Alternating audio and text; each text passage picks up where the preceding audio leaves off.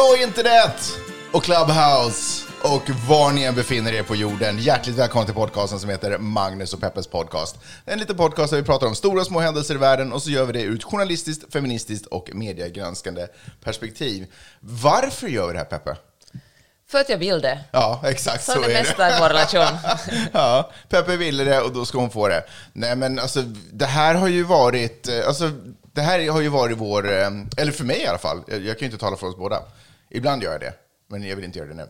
Det här har varit liksom en, en safe space väldigt länge, där du och jag kan liksom umgås som de vuxna människor vi är, och inte bara föräldrar eller eh, ur det perspektivet, utan vi kan prata om saker som ändå intresserar. Du vet, man snubblar på någonting i nyheterna, man vill prata om det. Vem ska man prata om det? Jag vill prata om det med dig, Peppe. För du har, Och- bra, du har bra idéer om, och tankar och insikter. Eftersom vi ändå lever i samtiden skulle det vara slöseri med content att inte spela in det. Så, ja, exakt. Varför vi spelar in det, det är i och för sig det är en svårare fråga faktiskt.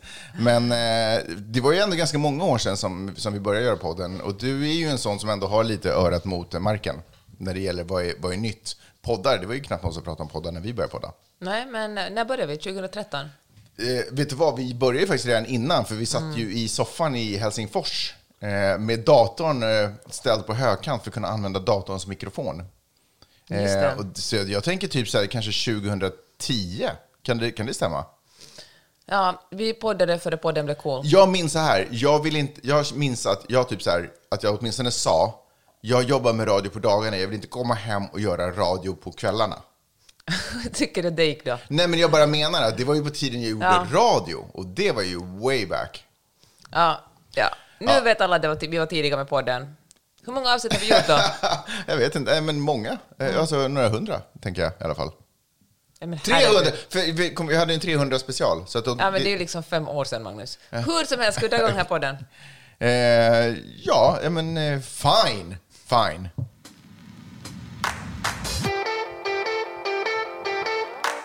Jag vill ju ändå börja med att kolla hur din vecka har varit, Peppe. Det måste ju få veta. Det har varit en... eh, Det Ja, var, men gud, vi har ju haft samma vecka. Intensiva. I och för sig har vi alltid samma vecka, för vi är ju liksom typ siames- siamesiska tvillingar. Ja, vi är ju alltid tillsammans. Både utanför och under covid. Men hör du, vi har ju varit uppe i Topanga som ligger, eh, vad ska man säga, uppe i bergen utanför Bergen strax söder om, förlåt, strax Norr om. norr om vi, där vi bor. Det har vi, våra kompisar som har en gård där åkte själva upp för att skidor i Mammoth, så vi husvaktade inte bara deras hus utan också alla deras djur. Mm. Berätta vilka djur. Okej, det finns eh, fyra marsvin, Ja. en kalkon, jättemånga höns, men det försvinner höns då och då för det kommer prärievargar och äter upp dem. Ehm, fyra, Två stora grisar. två stora grisar, fyra kaniner, tre eller fyra kaniner. Eh, en miniåsna, en indisk ko, En före detta eh, sköldpadda. Just den rymde. Jag har tre alpackor, nio hästar. Brukar det vara fem? En, eh, en, ett mountain lion tog två eller tre av dem. Ja. Och uh, jag måste väl ha glömt något. Um, är väl Två det. lamm, en Två get. lamm, just det, en Det get. brukar vara två get, getter, men en dog. Ja, men så är livet En stor indisk ko som hatar branschen. barn. Ja, men det sa jag. Jaha, förlåt. Nio hästar. Det, men herregud Magnus, Men du gud, måste börja lyssna på vad jag steget säger. Det efter. är ingen poäng att göra den här Steget podden efter hela ja, Det var tiden. jättemånga djur i alla fall och uh, superroligt. Och det finns något härligt att bli smutsig och så fysiskt trött. Men vet Mhm. Du har liksom varit en liten dirty girl den här veckan, kan man säga så? Ja, men verkligen inte på det sättet du tänker.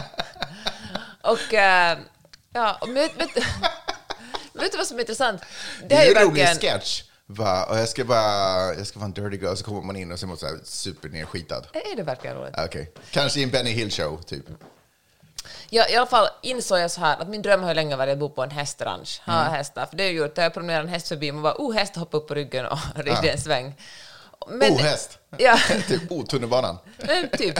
Men nu inser jag att det är underbart, jag älskar det fantastiskt mycket, men det är också väldigt härligt att komma ner till människobyn och Mm. duscha av sig och uh, promenera efter kaffe på morgonen eller gå till kvartersrestaurangen. Jag tror att det har blivit typ stopp i vårt avlopp efter att vi har duschat av oss. Men jag håller med dig, det är ju magiskt. Men förutom alla djur så finns det också väldigt mycket backar. Och eh, en sak som jag har lärt mig under den här veckan är att jag är inte 22 år. Det har verkligen tagit sin... Alltså det har varit fysiskt tungt för mig att gå från hästar in till huset. Men kanske det inte är åldern, kanske du bara är otränad. Wow!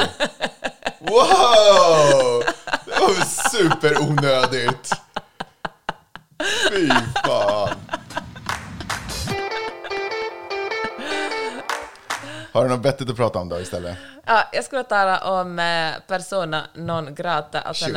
Soran Ismail-dokumentären. Jaha, jag tror du menar fenomenet perso- persona non grata. Nej, för det är ännu för tydligt den här familjen.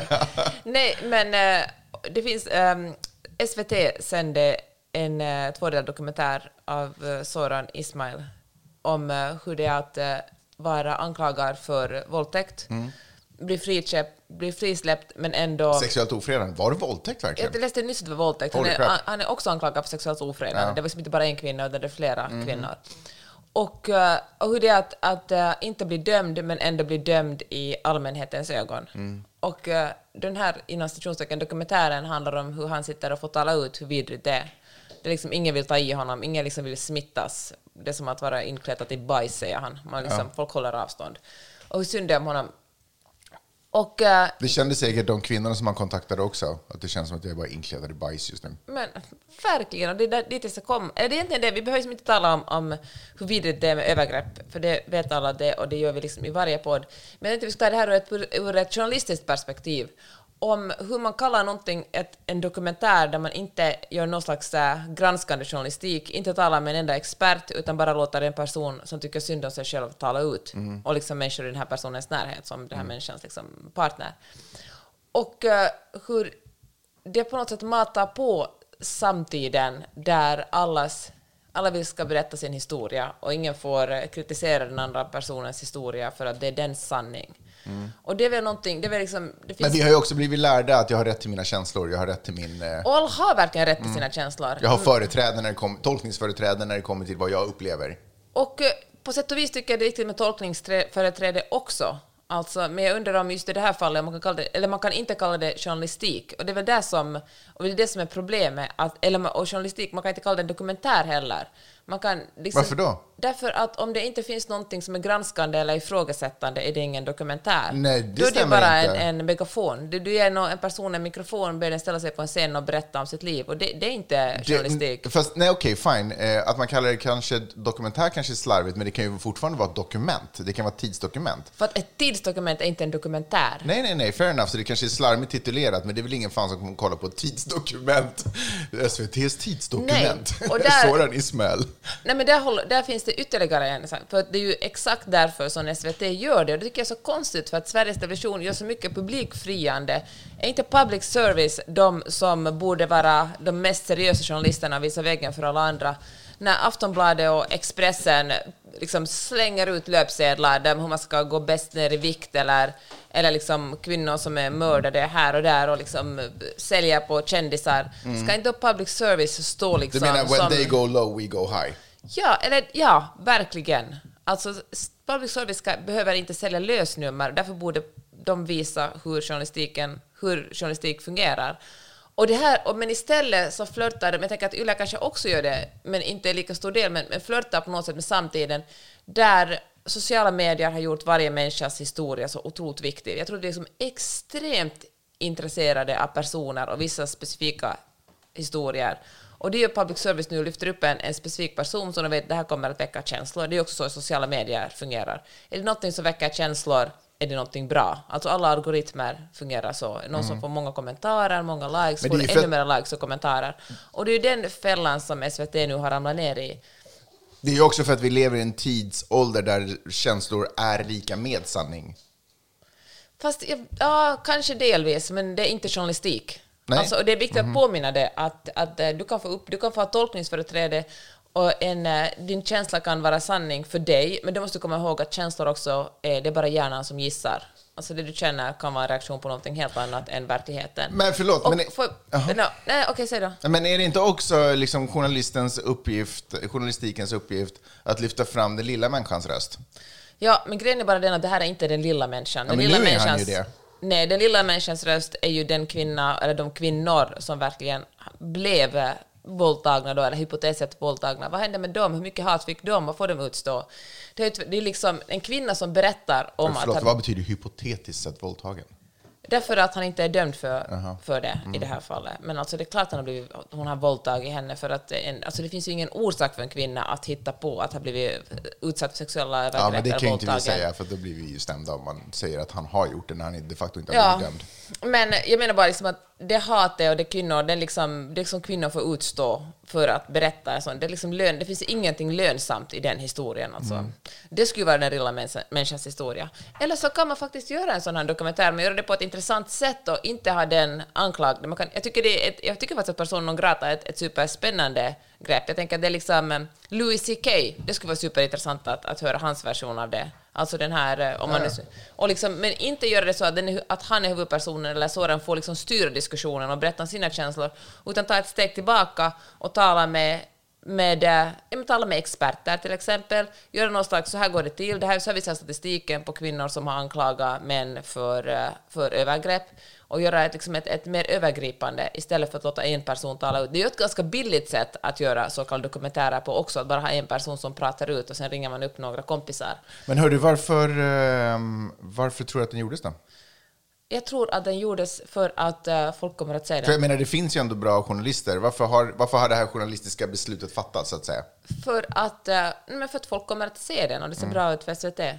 Sen samlar ju Nina Rung, som är kriminolog och eh, jobbar för kvinnors rättigheter till sina, kropp, sina egna kroppar, och Cissi Wallin, tror jag, de håller på att samla ihop pengar för en, eh, en dokumentär där kvinnor får berätta sin historia. Men, och jag förstår... Men varför är inte det här en tvådelad dokumentär? En dokument, ena delen handlar om sådan som sitter och talar ut. Därför att det är heller inte journalistik. Det är som att ta in en klimatförnekare och en forskare i studion. Alltså, bara för att man har två olika sidor av en sak är det inte journalistik. Journalistik handlar om att gräva lite djupare än så, än två, än två talking heads som säger olika saker och argumenterar. Journalistik är inte bara en podd alltså, där två människor pratar om ett ämne, utan riktigt journalistik är när man kalvar upp ärmarna och försöker förstå ett, ett större fenomen, inte förstå, förstå bara två olika åsikter tycker jag.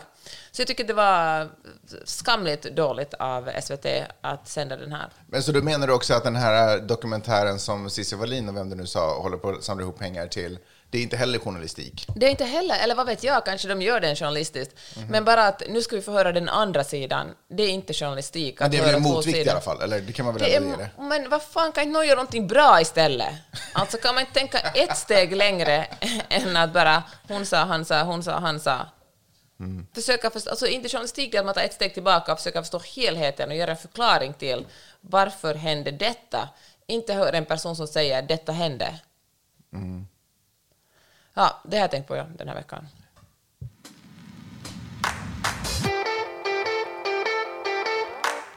Vilket leder mig till eh, dokumentärserier som går på Netflix. Och vi har pratat om det här förut, men vi till exempel följer ju dokumentären Qanon. På HBO. På HBO tittar vi på. Eh, just nu i dagarna, eller kanske förra veckan och liknande, så kom det ut en dokumentärserie på HBO Nordic som handlar om Knutbymorden, där journalister gräver och tittar på vad som hände. Och det har funnits massvis med dokumentärer tidigare på, ungefär, på det här samma spåret som jag kommer ta upp. Och jag skulle säga att det hela började någonstans eh, med eh, podd inom citationstecken dokumentärserien Serial. Och vad är det jag syftar på? Det vill säga, jo, jag syftar på när, vi, när dokumentärserien handlar om att vi får följa en journalists arbete snarare än att det resultat som den journalisten har kommit fram till presenteras eh, objektivt och med olika vinklar och experter och alltihopa. Och det här gör ju mig sjukt frustrerad. För att när jag börjar titta på till exempel en serie som Qanon som eh, först känns, gud vad det här verkar spännande. Vad är det för fenomen? Vad är Q? Vad kan jag få lära mig här? Och sen några avsnitt in så se, inser jag att jag är bara lurad. Alltså jag är catfishad in i den här dokumentärserien. Och nu är jag liksom typ borderline tvungen att titta klart på det. För det har liksom, jag inser, eller egentligen bara borde jag hoppa över alla avsnitt och titta på det sista avsnittet för att få reda på, vet den här duden överhuvudtaget någonting egentligen? Men jag är så otroligt störd på att, att liksom journalistens arbete är på något sätt det jag ska sitta och, och följa. När han i ena avsnittet bara, åh, det här verkar som att det är den här personen som... Äh, okej, så i Qanon så känns det som att det är på något sätt någon form av jakt på vem är de facto personen som skriver Qs. Jag hoppas att ni alla vet. Alla vem vet vem Q. Vem är personen de facto som skriver Qs inlägg? Eller ingen vet vem Q är, men alla vet vad rörelsen Qanon är. Bra. Men dokumentärserien handlar på något sätt om den här journalistens jakt om vem det är som skriver de här Q-inläggen. Är det någon som eh, hade kopplingar till eh, Trumps administration? Är det någon geek på något... Är det eh, Michael Flynn? Är det Steve Bannon? Är det en vet. nörd i Japan? Ja, exakt. Eller är det någon geek som driver något chattforum någonstans, osensurerat chattforum någonstans? Vem är det liksom? Och i varje avsnitt är det på något sätt som att det presenteras som att här är, det här är personen. De första avsnitten var lite så här, okej, vad är Q, vad är lite bakgrund, vad är min motivation till den här jakten, bla bla bla. Sen presenteras liksom typ någonting som verkar vara den skyldige och sen förstår jag i avsnitt tre att nej, men nu är det ett nytt spår. Och då är jag lite så här, bro, alltså varför har jag suttit och kollat på de här två första avsnitten? Om du har kommit vidare i din eh, Om du, precis, om du vet någonting annat redan, då kan, man väl, då kan väl det vara introt i avsnitt två? Först gick jag dit, det var fel, sen gick jag dit, det var Fast fel. kollar man inte också på dokumentärer själva underhållningen, alltså om du vet vem Q är så kan du bara, då kunde det bara vara en, eh, en bildruta där det står Q är den här personen. Man vill ju veta liksom varför Q blev Q och eh, hela... Absolut, men det handlar inte om jakten på om vem Q Nej. är, utan det handlar ju sen om hur, varför Q har fått så starkt fotfäste i, liksom, bland många människor och bland många människors åsikter. Det är naturligtvis inte intressant. Det finns ju naturligtvis en, en bredd i, i berätt, äh, med en potentiell bredd i det här berättandet om, om Q. Fast det är ju faktiskt mycket intressantare. Alltså det är ju intressant, att, eller det beror på. Alltså om Q, vilket det verkar vara en av grunderna till 8chan, som är en, ett, eh, en... Ett chattforum. Precis. Och eller 8kan heter det nu för tiden eftersom 8channel lades ner. Hur som lärde helst. vi oss i dokumentärserien. Ja. Men vi har inte sett klart det, så det kan mycket väl vara att vi får lära oss i slutet att det har bytt till något annat Ja, namn. fast älskling, jag visste faktiskt det. För du är där. Va? Är du att jag där, är du där Q? Nej, men jag höll ett, eh, jag höll ett, ett tal om kvinnor, som, män som trakasserar kvinnor på, på online. Och då kom jag över, det var som 8 fan är det liksom? För det är Mm. tydligen ett av de värsta ställena där man hatar kvinnor. Hur som helst. Hatar allt. Ja, men hatar allt. Men, eh, ja, men verkligen, hatar allt som inte är vit makt Mm. liksom. Vit, Men, game, vit lite överviktig gamer. Ja, men eh, det som är faktiskt intressant är själva fenomenet och handlar, liksom för att QAnon har blivit så himla stort, det sitter ju liksom Marjorie Taylor Greene, alltså en, en, en kongressledamot, blev invald genom att tro på, på QAnon. Alltså det är verkligen så stort och det var ju många av de som stormade Kapitolium i, i januari var QAnon-anhängare. Ni minns säkert den där mannen med liksom horn och, och den mm. shamanmannen.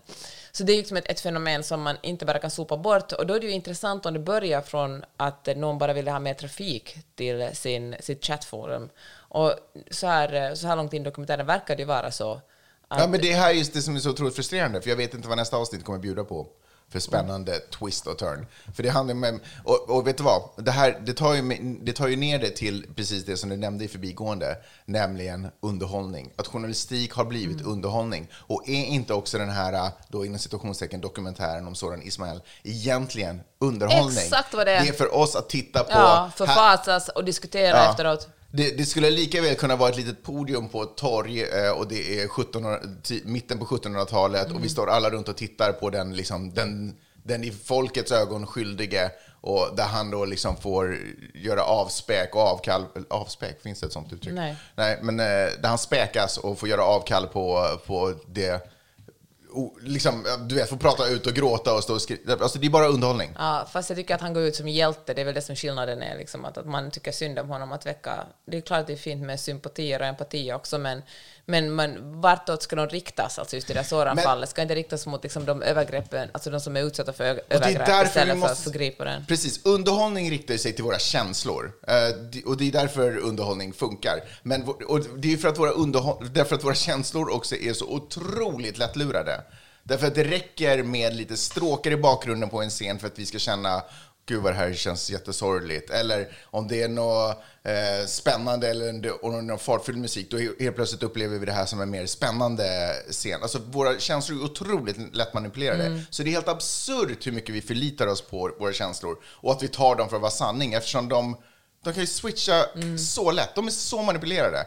De är ju anledningen till att butiker är uppbyggda som de gör för att vi ska gå, för att vi triggas på olika sätt och det väcker känslor inom oss. Och därför har vi mjölka på det stället, därför har vi eh, röd, billighetslappar med rött för att vi ska reagera på det. Alltså, vi är så otroligt lätt manipulerade.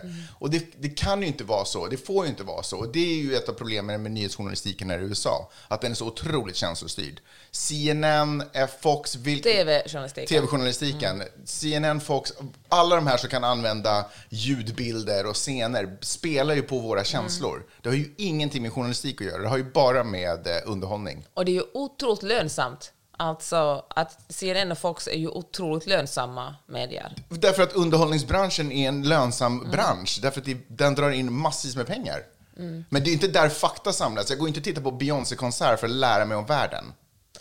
Nej, kultur i och för sig är också viktigt. Men, eh, men vet du, det är faktiskt intressant för att jag läste en... eh, en varje fredag gör jag en, en lista med, med Dum fotnot. bra läsning på min blogg. Och då, en, då snubblade jag över en artikel som handlar om hur amerikaner är allt mer villiga att välja in eh, kändisar i eh, kongressen. Ja. Och eh, alltså skådespelare, Matthew McConaughey tycker folk skulle vara en superbra person att ha i representanthuset till exempel i Texas. Därför han pratar lugnt och han har spelat, han har spelat trovärdiga roller. Men exakt det. Och jag tänker att det måste ändå gå hand i hand med den här absurda, det här absurda fokuset på individer som sociala medier har matat. Alltså, jag tror verkligen vi är mer intresserade av, av individer. När politik, gud vad, gud vad tråkig och gammal låter, men politik handlar ju ändå till stor del mindre om själva personen och mer om vad den personen ska göra för att samhället ska bli lite bättre. Vänta nu, säger du att det är så eller ska vara så? Det ska vara så.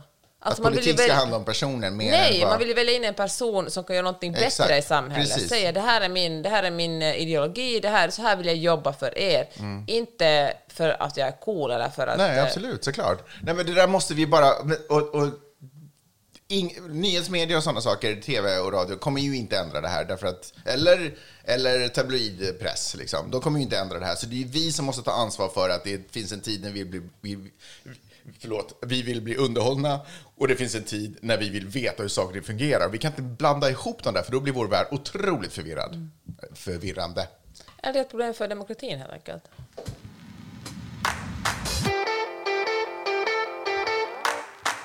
Du, när vi ändå är inne på roliga ämnen, låt oss snacka om eh, eutanasi. Jaha, Är du på den? ja. Eh, Det är nämligen så att Spanien precis legaliserade dödshjälp, alltså som då eutanasi betyder, som ni säkert förstår. Eh, Portugal funderar på det och i Frankrike som pågår debatten, läser jag på Svenska Dagbladet, en tidning jag ofta läser. Och eh, Fattar du för läser Svenska Dagbladet? Alltså jag läser också Fan, inte Svenska jag, Dagbladet, men det är alltid den du citerar. Jag tycker att den är så... Ja, ja, det är bra att läsa. Ja. först, var, vad står vi i, vad står vi vi som ändå är en enhet som tycker och tänker samma om allt, vad står vi i liksom tanken på eutanasi? Alltså jag är för eutanasi. Du är för eutanasi? Ja. Berätta, hur tänker du då? Men jag tänker att det handlar lite som om abort, man ska kunna få bestämma över sin egen kropp. Sant. Men eutanasi innefattar ju också att andra människor, det kräver ju en aktiv handling av andra människor. Ja, fast inte alltid. Jag har ju en, en god vän vars... Inte eh, alltid. Nej, jag får jag berätta det här? Alltså, en god vän vars, eh, ja, men, som en, en nära, en, en släkting ut, gjorde eutanasi bara för några, några månader sedan i Schweiz. Och eh, då åkte hon till ett lagerhus där det fanns en stor säng. Det fanns poliser med, det fanns sjuksköterskor och en läkare med där. Men det var sammanlagt kanske sex personer. Och sen hade hon med sig en, en annan nära släkting. Och eh, så fick hon lägga sig på den här sängen, fick en spruta som hon själv sprutade in i sig. Och enda, den enda instruktionen hon fick var att göra det fort. Alltså när du trycker så tryck fort. Och det sista hon tydligen sa var it's things och så var hon borta. Så jag menar, jag förstår att om man är, om man är det kan ju vara att man är förlamad i hela kroppen och behöver hjälp med att någon annan gör det, men det är ju inte alltid så att en annan person ska göra det. Nej, jag vet, men någon måste ju ändå blanda in cocktailen. Det, det, Mm. Förstår du vad jag menar? Att det, det är ju liksom, allt det där är ju arrangerat av andra människor. Mm. Men det är klart, gör man det själv så då är det inte eutanasi, då är det ju självmord. Eh, Så det är klart att Men eutanasi... är inte eutanasi akt- aktiv dödshjälp? Exakt, så det innefattar ju. Eh, det som jag kan förstå, det som, alltså jag vet inte riktigt vad jag, vad jag, eller så här. För massa år sedan så intervjuade jag en, eh, en äldre man som led av, han var i liksom slutskedet av, en, av sin sjukdom. Jag minns inte vad det var, men troligtvis cancer. Eh, och han hade bestämt sig för att han skulle åka till Schweiz och ta den här cocktailen. Eh, och få liksom, för han vill inte, ligga, han vill inte tyna bort på en, en sjukhussäng någonstans i Finland. Liksom. Han bestämde för att ta kontroll över det. Eh, det ironiska, eller tragiska, jag vet inte ens hur man skulle klassificera det, var att han inte ens hann åka till Schweiz för han, han avled innan mm. det. Men någonstans där när jag pratade med honom om det, så jag förstår ju förstås den här personens vilja, önskan om att det är liksom över ändå. Mm. Bara, vi kan jag, då kan jag åtminstone, eftersom domen redan är satt, så kan jag åtminstone få ta kontroll över det sista skedet. Liksom. Eh, men samtidigt så, vet, så känner jag ju också att Ja, men du vet, liv är värdefullt. Alltså, vem, alltså, hela, hela den grejen är väldigt starkt i mig. Jag har väldigt svårt att... Du låter som en pro-lifer när du säger så. Nej, fast det, för du kan inte dra likheten mellan abort. För där finns ju inte ens ett liv i mina ögon. Och till, och till att en annan person ska hjälpa någon att avsluta livet. Fast det handlar väl om att bestämma själv? Det handlar om att säga kontroll, att kunna få bestämma över sin egen kropp. Vet du vad, som, vet du vad eutanasi är närmare besläktat för mig? Är dödsstraff. Det är närmare besläktat för mig. Men det är ju, det är ju verkligen någon annan som bestämmer över dig i dödsstraff. Ja, men... Eh, eh, ja, men någonstans, ja okej, okay, jag förstår att, att abort är liksom, jag bestämmer över min egen kropp, men återigen, det tycker jag inte att det handlar om ett liv. Det är inget liv som det döms om ens där, utan det handlar ju bara om din kropp, eller den personens kropp. Här handlar det ju ändå om ett liv, och jag, någonstans för mig så Poängen är, för jag vill inte snurra in mig i det här, för grejen är att jag faktiskt har ändrat min eh, åsikt. För då kände jag så här, liv är viktigt och man, man måste få eller så här är det bara. Vi, vi är dömda till ett liv och det, vi måste bara leva ut det. Men jag tänker att jag också typ har blivit äldre. Och kanske är det det att jag någonstans också har kommit några steg närmare döden. Men jag känner nog faktiskt att eh, eutanasi är nog kanske ändå någonting som borde få tillåtas. Jag tycker att det är liksom ett ganska civiliserat sätt någonstans på sätt och vis att få eh, avsluta, alltså ett värdigt och civiliserat sätt att få avsluta sitt liv på. Eh, I Frankrike till exempel i debatten så dels så pratar man om att det är hyckleri att det inte är tillåtet i Frankrike därför att eh, folk åker bara över gränsen och så kan man göra det i Belgien. Belgien. Mm. Ja. Eh, och så pratar man dessutom om, och det här har jag, så jag vet inte siffrorna, men man pratar dessutom om att i Frankrike inom sjukvården så sker det ändå. Mm. Det bara sker under radarn därför att folk som jobbar inom sjukvården värnar ju om de här människorna. Och om folk ligger och lider så är det ingen som försöker liksom eh, alltså kvarhålla mm. det lidandet, utan man försöker hjälpa den personen mm. vidare bort ifrån lidandet. För det på något sätt, och det var det här som på något sätt har gått lite i, eh, kolliderat för mig i mitt huvud. Att, att jobba inom sjukvården, så på något sätt svär man ju kanske ner, jag vet inte om man gör det direkt så, men någonstans så har man ju, jobbar man ju med att bevara liv och rädda liv till vilket pris som helst. Men det jag tror har blivit skillnaden i mitt huvud är att liv handlar inte om tiden eller längden, utan liv handlar om kvaliteten. Mm. Det är mm. det som gör är värdet av liv, vilken kvalitet man har. Eh, och jag tror att det är det som är den stora skillnaden. Och någonstans om man får bestämma att eh, jag vill avsluta det här själv, så har man nog kanske ändå kommit till den eh, insikten och känslan. Och, nu pratar jag ju ändå om människor som är senare i sitt liv. Alltså jag pratar inte om unga människor mm. på något sätt i någon situation. Jag pratar inte om medelålders människor. Men människor som har kommit sent. Alltså, jag har ingen kvalitet i mitt liv. Jag kan lika väl bara runda av den här påsen. Mm.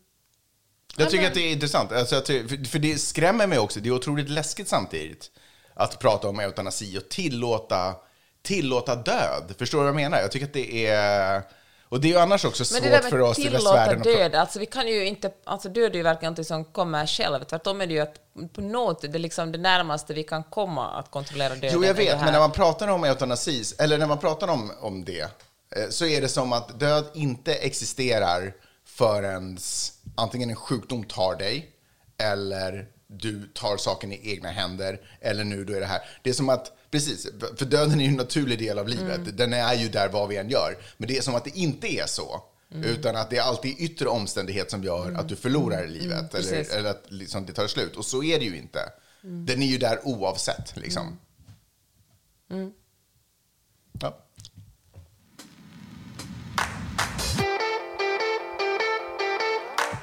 Förra veckan pratade vi ju om Amazon och eftersom vi inte lade ut den här podden så gör jag en kort recap för uh, de som inte var med oss i rummet förra veckan. Ja. Alltså, Amazon, världens först, största st företag, är det väl, åtminstone ett av världens största företag. Uh, Jeff Bezos är i alla fall världens rikaste man, grundaren. Och han uh, vill ju att saker och ting ska ske väldigt fort och effektivt. Och han har ju klarat av att uh, Nej, men jag tror att Amazon, åtminstone i USA, så är det liksom de, i all, de flesta människors vardag. Man beställer grejer på Amazon. Jag vill minnas att Amazon var det första företaget i världshistorien som passerade en triljon dollar i omsättning. Ja, så stor siffra att jag inte kan fatta den. Jag tror att det finns så många stjärnor. Hör du, vet du vad, om vi skulle spela in det här och inte göra det på Clubhouse, då skulle du säga så här nu, en Peppe, ta om det där, det är för långt in, det där är ett för långt intro. Gå rakt på sak.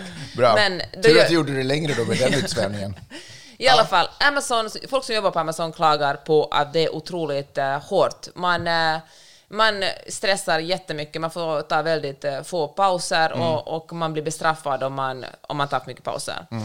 Och eh, Amazon har precis öppnat lagerutrymmen i eh, Alabama, som är en av de allra fattigaste delstaterna i USA. I USA är minimilönen, jag tror det är 7,25 7 dollar och 25 cent.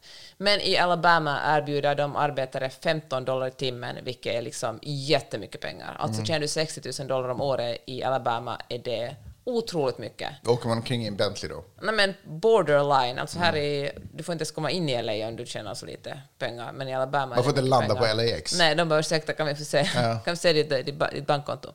Hur som helst, det är mycket, det är mycket pengar i Alabama. Och eh, då öppnar eh, Amazon en, eh, ett, en, ett lager där, där folk jobbar effektivt. Och då har många, flera liksom, det här inte, sker inte bara i Alabama, utan folk har klagat mycket på, på arbetarna på golvet i de här lagerhusen, klagar på att det är för hårt. Alltså folk hinner inte gå på toaletten, folk står i blöjor, folk, det finns till och med vittnesmål om folk som bajsar på sig när de står, för de vågar inte gå på toaletten. Man får tre varningar om man är borta för länge från sin arbetspunkt och eh, då får man sparken. Och om man får sparken i USA då kan det verkligen betyda att man blir bostadslös eftersom man lever verkligen från hand till mun. Man har liksom inga det finns ingen som en anställningssäkerhet. Även om du är anställd någonstans kan du verkligen få gå från en dag till en annan och då kanske du inte kan betala av på ditt hus nästa månad och då hamnar du på gatan. Så att folk som jobbar, folk som har anställningar är väldigt lojala, så att säga. De älskar inte sina arbetsgivare, men de är lojala. Och eh, nu har det kommit fram allt fler siffror om att folk i Amazons lagerhus mår dåligt. Det sker fler eh, eh missfall, kvinnor får missfall där.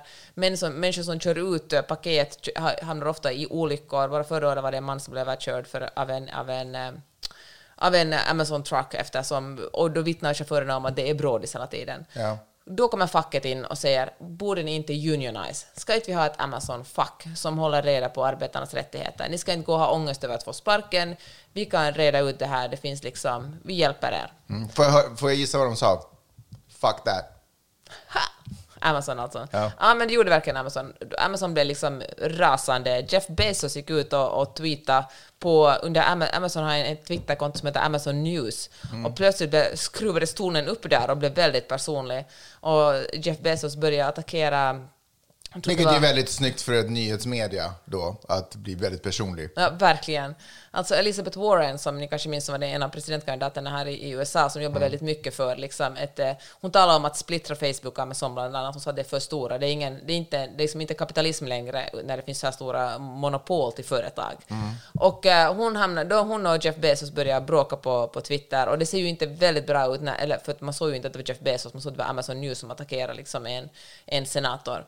Och eh, i alla fall, hela veckan, det här hände allt förra veckan, det har gått en vecka, nu har det varit en chans, hur ska det gå? De här arbetarna i Alabama fick rösta, ska de gå med i facket?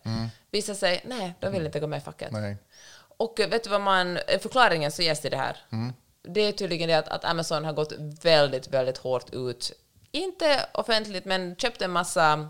De har haft obligatoriska föreläsningar om hur dåligt facket är för arbetstag, för anställda på Amazon, alltså, som varit tvungna att lyssna på det. De har köpt otroligt mycket Facebook-reklam med hur dåligt facket är, hur facket bara liksom gör att man får lägre lön och vantrivs på jobbet och allt blir sämre. Och eh, de har, nej, men de har liksom gjort sitt allt för att inom, inom, fakti- inom liksom juridiskt, alltså det, det är liksom inom lagens gränser påverka arbetarna att rösta nej. Och de, det gick, så gick det. Men hörru, kan det också vara den här aspekten, kommer du ihåg eh, hur förvånade folk blev när en stor del av latinopopulationen i Florida eh, röstade för Trump. Eller Ja, i hela. USA faktiskt. Ja, eh, och en förklaring som gavs då var att de, många av de här latinopersonerna kommer från socialistiska system och Mm. har verkligen inte bra vibes av, av det systemet. Förlåt, och facket är ändå så pass förknippat med socialism att det kan också vara en anledning till att ska vi verkligen Mm. Absolut. gruppera oss på det här sättet? Är det inte, kom inte till USA för att det är var man för sig själv? Liksom. Ja, verkligen. Och den amerikanska drömmen är ju liksom, precis som du säger, individen, jag ska liksom inte gå ihop med några andra, de kanske drar ner mig, jag ska klara det här själv. Så att... Mm. Ja, ehm, tillsammans kan vi inte nå den amerikanska drömmen, utan det är min resa. Ja, verkligen. Det är ju hela det, det är alltid det handlar om. Jag ska klättra på andras huvuden.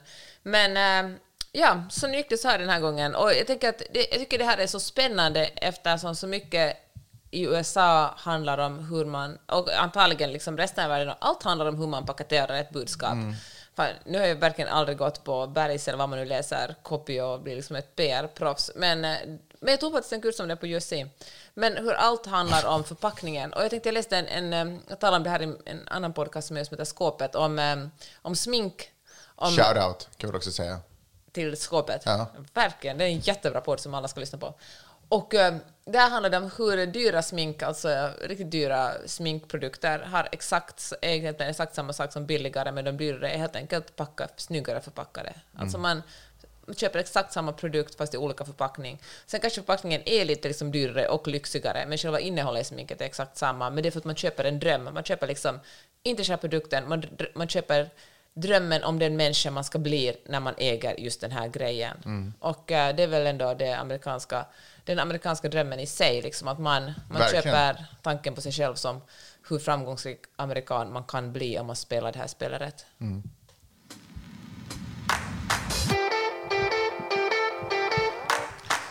Så Magnus, nu är min fråga till dig, hur ska du få upp din fysik? Hur...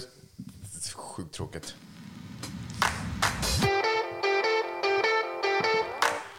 Vi har ju också tappat eh, en stor man den här eh, veckan. Eh, Rapparen. Det känns som att han har funnits med i hela mitt liv. Eh, och jag pratar ju naturligtvis precis om... Eh, tack för att du också brände min Fy fan vad, då, punchline. vad hemskt det var att jag brände den. För Förlåt vi- Magnus. Du vet, Elisabeth, snubbe, du vet. Prins Philip. Ja, du vet. Men nej, bra. Skönt. Skönt att du... Tack, tack så mycket.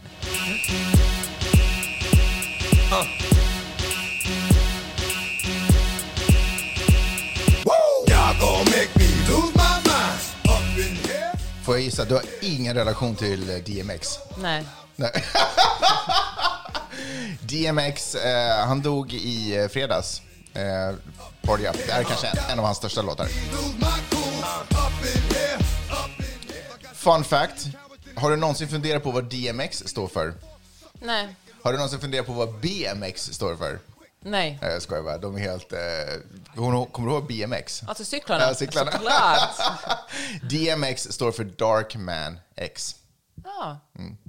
Eh, han, eh, han fick en, dog av en överdos. Alltså det är så otroligt sorglig historia runt DMX. Alltså en av de största hiphopparna, samtidigt som Jay-Z kom ut, som Nas kom ut, så var han en del av liksom den tidens hiphop. Eh, har vunnit massa grammisar, du vet, hade bra karriär, var med i filmer, tjänade massvis med pengar, dör eh, som resultat av en eh, knarköverdos. Eh, Var det opioider? Nej, alltså nej, han var verkligen tungt knarkande. Han började knark, han knarkade liksom, det var ett stort problem i hans liv ända sedan han typ, det sades, så här, ända sedan han var typ 14 år och testade sin första marijuana med laced med cocaine. Oh, jag visste inte ens att man kunde göra så. Jag visste inte ens att man fick göra så, Magnus. Dude. Förlåt, jag skrattar. Det Men finns man ett det citat alltså från en uh, hiphop-låt med sådär, we've been uh, bla bla bla since the 80s, loke. Att man har fattar. uh, marijuana med since the Aha, 80s. där ser man. Eh, vilket fall som helst, sen han var 14 år så testade han, sen var han typ liksom huggd. Mm. Sen var droger alltid en stor del av eh, hans liv och han kom aldrig ut. Han åkte in och ut ur rehabs. Men du vet, hela den här framgångsrika karriären och alltihopa så dör han typ med en miljon i skulder. Är det sant? En miljon dollar i skulder. Han har 15 barn. Alltså vi har ju problem med tre. Vi har inte ens tre. Har, Herregud, du vet inte, du vet inte ens hur många barn vi har. vi har problem med, med två Berätta barn. lite. Är det någonting du vill berätta men för mig nu i podden? Det, det, kände, det kändes som att han har 15 kändes det så lite att säga två. Så jag försökte typ snygga till siffrorna lite. Jättekonstigt. Men eh, 15 barn och dör liksom med en miljon i skulder. Men det jag också tycker är liksom värt att lyfta fram och poängtera. För att inte helt osällan så framstår det som att vi är så här drogliberala och vi bor i en plats där det är lagligt och hela den här staten som vi lever i är ju drogliberal och för att inte säga hela, på den största delen av landet liksom. Eh, åtminstone kretsat runt storstäder. Eh, men gång på gång så hör vi, får vi de här exemplen på liksom kändisar som, vare sig det är opioider eller om det är liksom seriöst knark, så att säga, knarkproblem, som dör av överdoser. Inte hemskt långt innan så var det eh, Juicy World eh, som också dog på grund av en hjärtattack på grund av en överdos. Alltså det är ju ändå nog... Men- ja. Får jag opponera mig där lite? Alltså, eller inte Ska du opponera. opponera dig mot att de dör? Nej, men alltså jag håller med. Alltså, vi är, USA är ju mer så att säga drogliberalt och, och Kalifornien är ju... Kalif Kalifornien är ju... Cali, ett- ja. ett- är liksom... eh, Men weed är som öl Mm. här, som öl är i Finland och Sverige. Men orsaken till att uh, allt fler delstater avkriminaliserar eller, eller helt legaliserar droger handlar ju om att man ska se det, som, det här beroende som en, en sjukdom snarare än ett brott. Och det handlar också om att inte bestraffa, alltså det, droger är ju någonting som har fått otroligt många svarta att sitta i fängelse och avkriminalisera det här, då tömmer man också fängelserna på svarta. För alltså det finns ju en Inget, alltså man kommer inte ut som en bättre människa när man sitter i fängelse, man kommer antagligen ut som en sämre människa. Det kanske förstör folks liv. Ja, förlåt, vilken, vart är du på, hur, vilken vinkel tar du? Nej, men min vinkel är bara det att avkriminaliseringen inte bara handlar om att man tycker att alla ska knarka och det är härligt med droger, utan det finns en politisk, en, en politisk liksom budskap, inte budskap, men det finns som en st- strategi bakom det också. Ja, men jag vet också i eh, sådär, det är inte helt opopulärt, eller impopulärt, opopulärt, att prata om, att sådär, att tala i termer som att eh, det vore så spännande att mikrodosera typ acid eller det, det, kan vara, det kan finnas en hälsoeffekt i det och det kan det mycket väl göra. Ja. Missförstå mig rätt.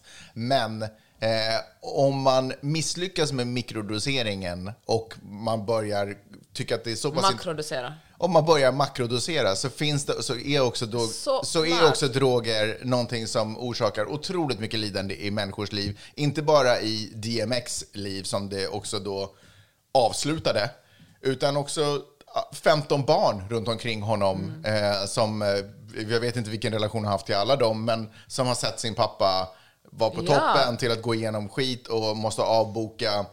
Du vet när man, han dessutom hade ont om pengar, han sålde massa hus för att få in lite cash, brände förstås dem på droger. Han eh, försökte dra igång en, eh, eh, vad heter det, en turné eh, och så. Och jag vet inte om det var slutsåld, men det, var liksom, det, såg, det såg lovande ut. Alltså han var fortfarande ett intressant namn i hiphopkulturen. Eh, måste avboka den för han ska in på rehab. Bara du vet, tragedi liksom. Man har, han kommer ju ändå från liksom noll förutsättningar i livet. Om han ens hade en pappa i sitt, i sitt liv när han växte upp så är det väl att gratulera. Men troligtvis liksom inte. Eh, och ändå har liksom med sina skills och med eh, hårt arbete och bara dedication lyckats komma på fötter och, och, och potentiellt ha möjlighet till ett helt annat liv och bara inte kommer ur det för att den här flipping jointen som han tog när han var 14 år liksom bara blev startskottet på någonting som han bara aldrig fick kontroll över. Eh, Och det tycker jag det är ett verkligt problem. Och jag tycker att allt för ofta, och det är så lätt för en person som mig, eller som ser ut som mig, att vara sådär, du vet, som aldrig har hållit på med droger i princip. Eh, vara sådär, ja men det här skulle vara spännande att testa. Eh, för jag kan ta det liksom från en helt annat perspektiv. Men när det, det finns verkligen massa människor som inte har den lyxen någonstans. Eller du vet, som inte kommer in på det på det sättet. Förstår du vad jag menar? Så det vill jag lyfta upp. Därför tycker jag att det är värt att nämna DMX också, för han är också en, eh, en påminnelse om att det finns, att verkligheten är där ute också. Och ser annorlunda ut för väldigt många andra människor. Ja, men verkligen. Men det tar inte också- bort, jag menar vi har alla olika förutsättningar, så är det. Vissa kan äta asmycket chips, andra ska stay away from it. Vissa kan göra ditten, andra klarar sig utan. Vissa... Precis så är det. Men jag tycker verkligen att det som vi borde komma vidare i, att inte se att beroende som något skamligt och något som man ska varken skämmas över, det hela ens liksom släkt ska skämmas över det, utan tvärtom se det som en sjukdom. Vilket leder mig till en annan sak.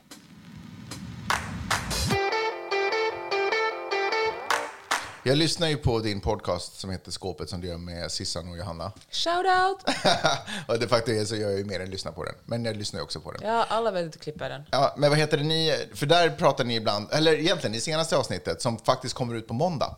Alltså imorgon. Imorgon. Ja, men det beror på när man lyssnar på den här. Ja, såklart. precis. Som kanske kommer ut idag. imorgon. Ja. eh, Så då, då tror jag att du pratar om att dricka vin. Mm. Och jag bara så här, oh shit, jag... eh, Fan, det är, för det är svårt att prata om alkoholkonsumtion. För man vill samtidigt inte glorifiera det av anledningar som vi pratade om precis nyss. Liksom. Mm. Att för det finns människor, vi kommer från en kultur där folk på riktigt har problem. Mm. Och där den typ påverkar ekonomin i vårt samhälle Mm. på grund av liksom, hur, hur folk sköter ekonomi med skador som uppkommer, Mm. våld och vad fan det än kan vara, olyckor. Men samtidigt så kände jag väldigt starkt att alltså jag gör vad jag gör med de förutsättningar jag har. Du måste ta ansvar för de förutsättningar du har i ditt liv. Om du har massa alkoholism runt omkring dig, kanske stay away from it. Liksom. Och vem har förresten inte massa alkoholism runt omkring sig? Men förstår vad jag menar? Att hela tiden det här att, att jag måste passa... Jag, och jag förstår, det här är inte samma sak som att jag vill säga en ordet till höger och vänster, jag vill köpa en bollar. Utan det handlar om beslut jag gör i mitt liv, de förutsättningarna som jag har i mitt liv. Och om du inte har samma förutsättningar, då har du andra historier att berätta. Förstår du vad jag menar? Du, potens, ponera att du, jag till exempel röker inte gräs här i Kalifornien fast det är lagligt. Du har, för jag känner att det, det påverkar inte mig på ett superbra sätt. Om du har andra förutsättningar och en helt annan relation till det, berätta de historierna om det. Det betyder inte att jag blir inspirerad av att börja göra det. Därför att jag vet att jag inte gör det, eller grejer det. Liksom. Fast om du är yngre kanske du gör det. Alltså, Jo, men där du- känner jag också så här, om du är yngre, alltså var är dina föräldrar? Det är väl de som ska ha de här snacken om vad som är, vad som är lämpligt för dig att göra i ditt liv, som ska guida dig. Du ska inte sitta och lyssna på mig. Jag, inte till dig heller är jag din farsa. Det är liksom, jag, jag berättar egna saker i mitt e, om mitt eget liv som är baserat på snart 50 år av Fast jag liv. hör, dig, jag hör dig verkligen, men jag tänker så här att är man, säg att man är en riktigt stor influencer, eller man är liksom folk, en förebild, så, eller många, kanske ofrivilligt en förebild, för att ing, men man, man vet, man har många följare. Ja.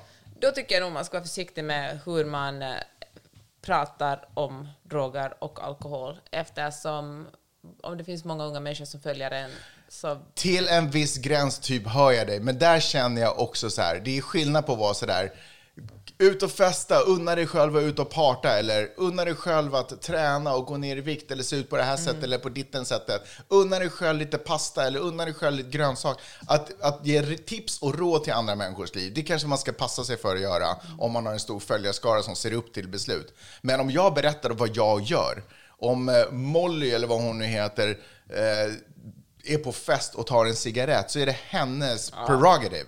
Det är, det är hennes beslut. Utifrån vad, henne, vad hon upplever att hennes kropp klarar av. Alla fattar att det inte är hälsosamt att röka cigaretter. Och det där är säkert ingen pepp eller eh, peptalk till ungar att börja röka cigaretter. Men Molly fattade ett beslut, jag tror att det var Molly som det är eller något sånt. Ja, skitsamma, men någon av de här. Ingen aning vad du snackar om. Men eh, hon fattar ett beslut utifrån sina egna förutsättningar, vad hon upplever att hennes kropp klarar. Och hon är inte din morsa och hon är inte din farsa och du fattar ditt eget beslut. Och är du osäker på vad din kropp eh, klarar, fråga dina föräldrar. Känner jag.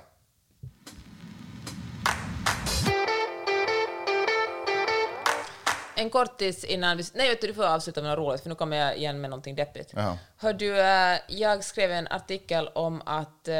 Jag, jag har lutat skriva en artikel länge om alternativ till fiskkött. Här, i, här i eh, Kalifornien, och säkert också eh, på de flesta ställen i världen, äter man ju liksom Beyond Meat och Impossible Burger, alltså kött som är växtbaserat men ändå är, smakar exakt som kött. Och det är en ganska normal del av verkligheten. Och nu överdrev jag lite när man äter det i hela världen. Alltså USA, åker man till Oklahoma tror jag ingen skulle röra vid en sån biff med en tång ens. Men här Vi i... behöver inte sätta Ja. stämplar på andra människor. Alla fattar. Och då tycker jag att det är spännande för de stora mattrenderna i framtiden kommer att handla om att eh, också andra köttbaserade produkter är egentligen växtbaserade. Alltså kött, blir, kött är inte kött utan kött är... Alla fattar. Och fisk är en sån, det är en av de stora trenderna. Och i samband med det här så kom eh, dokumentären Seaspiracy ut på Netflix som är en fortsättning på Cowspiracy. Kommer du ihåg för några år sedan? Den fick mig att bli 100%. vegan för någon månad efter vi såg den. Jag har inte sett den här dokumentären, dokumentären för jag kände att jag verkligen inte behöver se den, speciellt inte efter att ha skrivit den här artikeln och läst på så mycket om, om hur det ser ut med fiskeriet i världen. Men äh, fisken är slut. Alltså, vi har fiskat upp skiten. Du menar att om jag går ut och simmar i havet så ser jag ingen fisk mer? Ja, det kommer du kanske göra, men, men liksom fiskbeståndet är så... Alltså nu fiskar vi upp mer än fisken hinner eh, producera, alltså göra fler fiskungar. Och eh, ett stort problem är att man är så effektiv. Man är både väldigt effektiv och inte effektiv. Man trålar ju upp fisk. Och när man trålar kommer det liksom nästan hälften, åtminstone 40 procent av det som man trålar upp är liksom fisk som man inte vill ha. Så den dör och så stänger man tillbaka till den. Alltså tiotusentals delfiner bara utanför Frankrikes kust dras upp och dör varje år för att man trålar efter annan fisk där. Och eh, jag kommer inte ihåg hur många hundratusen däggdjur, alltså valar dras med. Det är liksom, ja men det är inte bra. Nej. Så om du går ut på landet och liksom fiskar upp en abborre är det fine. Den har säkert lite mikroplaster i sig och, och liksom några andra giftiga ämnen, men åtminstone det tär inte på, på beståndet just då. Men att om man köper eh, fisk i fiskdisken så... Så är det del av en industri Ja. som skövlar liksom haven. Och det tänker jag hur intressant det är, för när vi växte upp så var det verkligen, då skulle man äta fisk för att man blir klok av fisk och sen senare i livet ska man äta fisk för det finns omega-3-fetter, det är liksom bra att äta fisk. Och det stämmer ju fortfarande, det finns ju bra fetter, för också gifta med bra fetter. Men eh, det är, alltså fiskindustrin har gjort nästan lika bra PR som eh, köttindustrin känner jag. Alltså det har varit ett, ett hårt påslag att man ska, men som att man ska dricka mjölk. Mjölkindustrin var ju otroligt stark i, i åtminstone Finland, vet du det, Fast Sverige. fiskindustrin kämpar väl ändå i underläge. Granted att sushi har säkert lyft upp det på kartan igen, men det är ju inte aslätt att få i fiskebarn. Med fiskpinnar, det finns för olika sorters fisk som man... All right, såna- okej. Men, eh, så jag, tänk, nej, men då tänkte jag bara att jag, eh, kan jag brukar ju inte kalla mig vegetarian för jag äter ju liksom hummer kanske, eller inte så mycket nu för tiden efter att du kokar dem levande, men, men liksom fisk kanske en gång i månaden eller när det serveras som vi är hemma hos någon och som inte vet att jag inte äter kött så brukar jag ta emot och äta det. Men fan, jag undrar om jag ska sluta med det helt. Alltså vi, eller åtminstone Ja, vi behöver ju fisk fortfarande, men det är väl som med allt annat att göra det med måtta. Det är ju inte liksom, återigen så är det ju inte vår konsumtion det är fel på, det är ju hur företag använder det förtroendet som de har fått. Att, liksom, att börja skövla, det behöver de inte göra. Det behövs strängare lagstiftning. kring 100%. fiske. Och, fiske, och det är inte bara liksom att fisken är slut, utan det handlar ju också om vilka, hur människor som jobbar på den här fiskebåten. Det handlar ju, det är som, precis som på, om man köper liksom snabba, snabb, snabba kläder, vad heter det, snabbmode, alltså de, de här stora kedjorna, och det sitter barn och syr ihop. Om en, om en, liksom en, en klänning kostar 50 kronor, då vet man att då har den som gjort klänningen inte fått betalt. Lite samma sak med fiske, folk sitter liksom fastkedjade i fiskebåtarna och är tvungna liksom att, att eh, jobba praktiskt taget gratis. Det är Ja. liksom eh, människohandel och eh, svält, praktiskt taget slaverier som kommer med den här stora branschen. Så det, Men jag ser fram emot framtiden, alltså, för jag har förstått också att man börjar skapa, att man tittar på att skapa fiskprotein i laboratorium. ja, det jag skriver ser, jag också om faktiskt, Ja. laboratoriekött. Precis, och jag ser supermycket fram emot det. Alltså jag skulle vilja att den forskningen gick mycket, mycket snabbare. Mm. För tänk den dagen när vi liksom, vi behöver inte ha massa eh, boskaps... Eh, jordar som står inträngda i små stall i, Mm. i sin egen avföring eller till och med springer runt på liksom, eh, instängslade områden, men Mm. de är ändå så många och det är ändå så tajta, så de springer ändå runt i sitt eget bajs Mm. och försöker eh, plocka upp ett litet höstrå därifrån. Eh, hellre eh, bara bort med allt det, skapa alla de här köttbitarna, de här kotletterna. Tänk att alltid få perfekta och fina kotletter Mm. eh, från de bitarna som vi liksom vi typ växer upp korna för att Mm. kunna skära bort lite där runt halsen så vi kan få det och sälja det dyrt och äta det. Inget lidande. Ingen lidande. Haven bara f- bubblar av fisk Mm. när man är ute för att vi äter vårt fiskprotein från annat håll. Precis. Tror du att eh, fisk och, eh, eller konstruerat, laboratorieskapat fiskprotein och köttprotein kommer gå för eh, insektsmaten som det snackades ganska Jag mycket tror om, det. att det skulle kompensera liksom, eller Jag bli tror det nya faktiskt heta. det. Man snackar om att det skulle bli nya heta. Jag har fan Ja. väldigt svårt att se att vi skulle börja trycka i oss myror, även fast de kommer ut som jordgubbar. Ja, jag vet inte, jag skulle gärna göra det. Men, eh, Nej, fan, det, det känns ju super weird. men där är, om- där är igen en känsla som lurar dig, Magnus. Du får bara se det på ett annat sätt. Är det på något sätt mysigare att Fair äta en underbar... Tänk att liksom Men kolla- upp någon av hästarna liksom i stallet. Nej, nej, nej. 100 procent. 100 procent. Om det är alternativet. Tänk dig den ångesten de har haft innan de blir slaktade. Nej, men liksom, vänta och- nu. Nu ställer jag inte emot att äta riktigt kött. Nej. Jag ställer emot laboratorier. Alltså Ja. om, om man bara får igång den tekniken. Det måste ju vara... Alltså, ge mig det företaget så kommer jag sätta alla mina pengar i det, Det företaget. finns ju flera sådana företag, men det är bara väldigt dyrt än så länge, så det krävs ju ännu mer. Jobba hårdare, säger jag till de anställda. Hoppas de inte är med i någon fack eller någonting som reglerar deras arbetstider. För de där motherfuckersna behöver jobba stenhårt. För den där maten ska jag ha i min mun.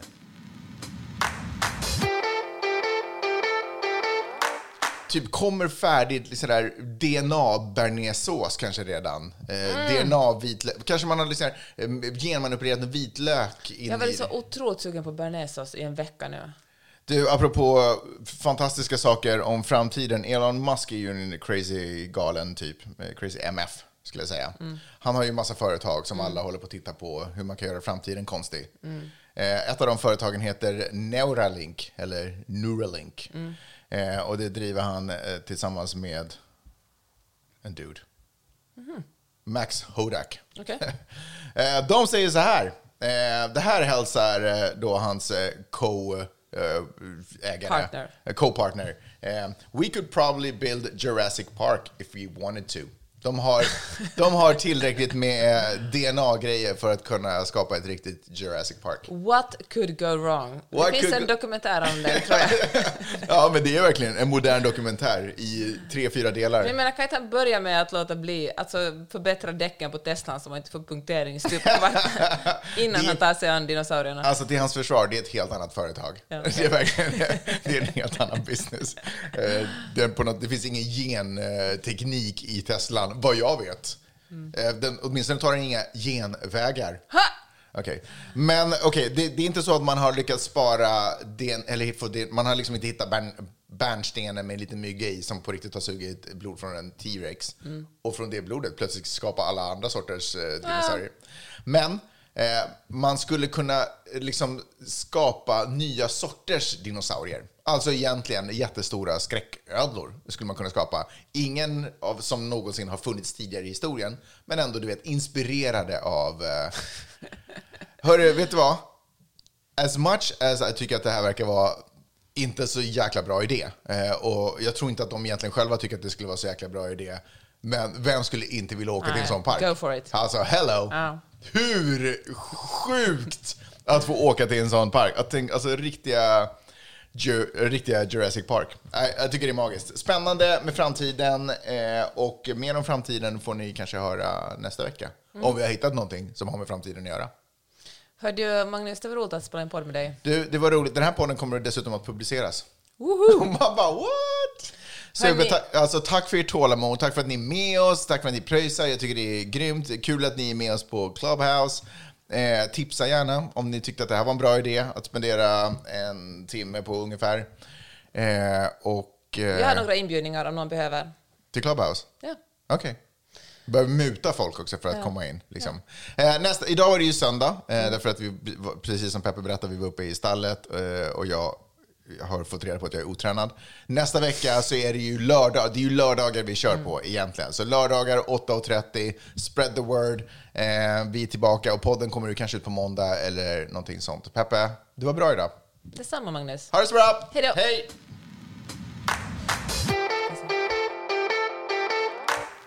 Det här ska inte med i vår podd, men för er som är på Clubhouse nu kommer Maja och jag att eh, dra ett litet söndagshäng här om bara en halvtimme. Oj, okej. Fast i ett annat rum då? Ja, ett annat rum, ett Friday Lab-rum. Så häng med där. Vi bara, det är väldigt avslappnat och uh, snällt. Häng med.